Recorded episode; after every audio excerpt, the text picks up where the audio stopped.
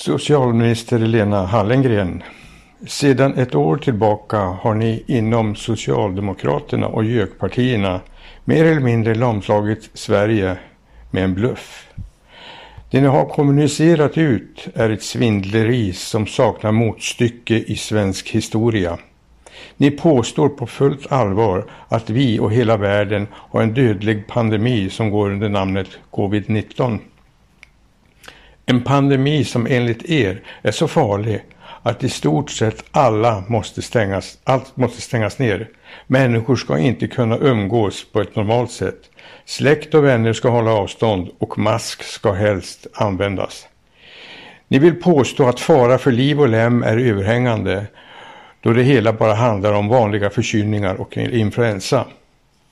För att få vatten på er skrämselpropaganda har ni lagt över all statistik som normalt handlar om säsongsinfluensa till en kolumn som säger covid-19. Att medvetet lura vårt lands invånare på ett så genomkorrupt sätt är mer än magstarkt.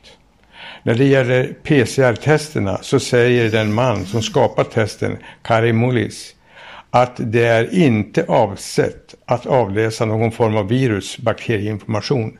Testet är till för att kunna duplicera fragment av DNA i forskningssyfte. Att då hänvisa till att människor ska ta test som inte rimligt kan ge något resultat visar på ett vansinnigt lömskt och oetiskt förhållningssätt till människorna.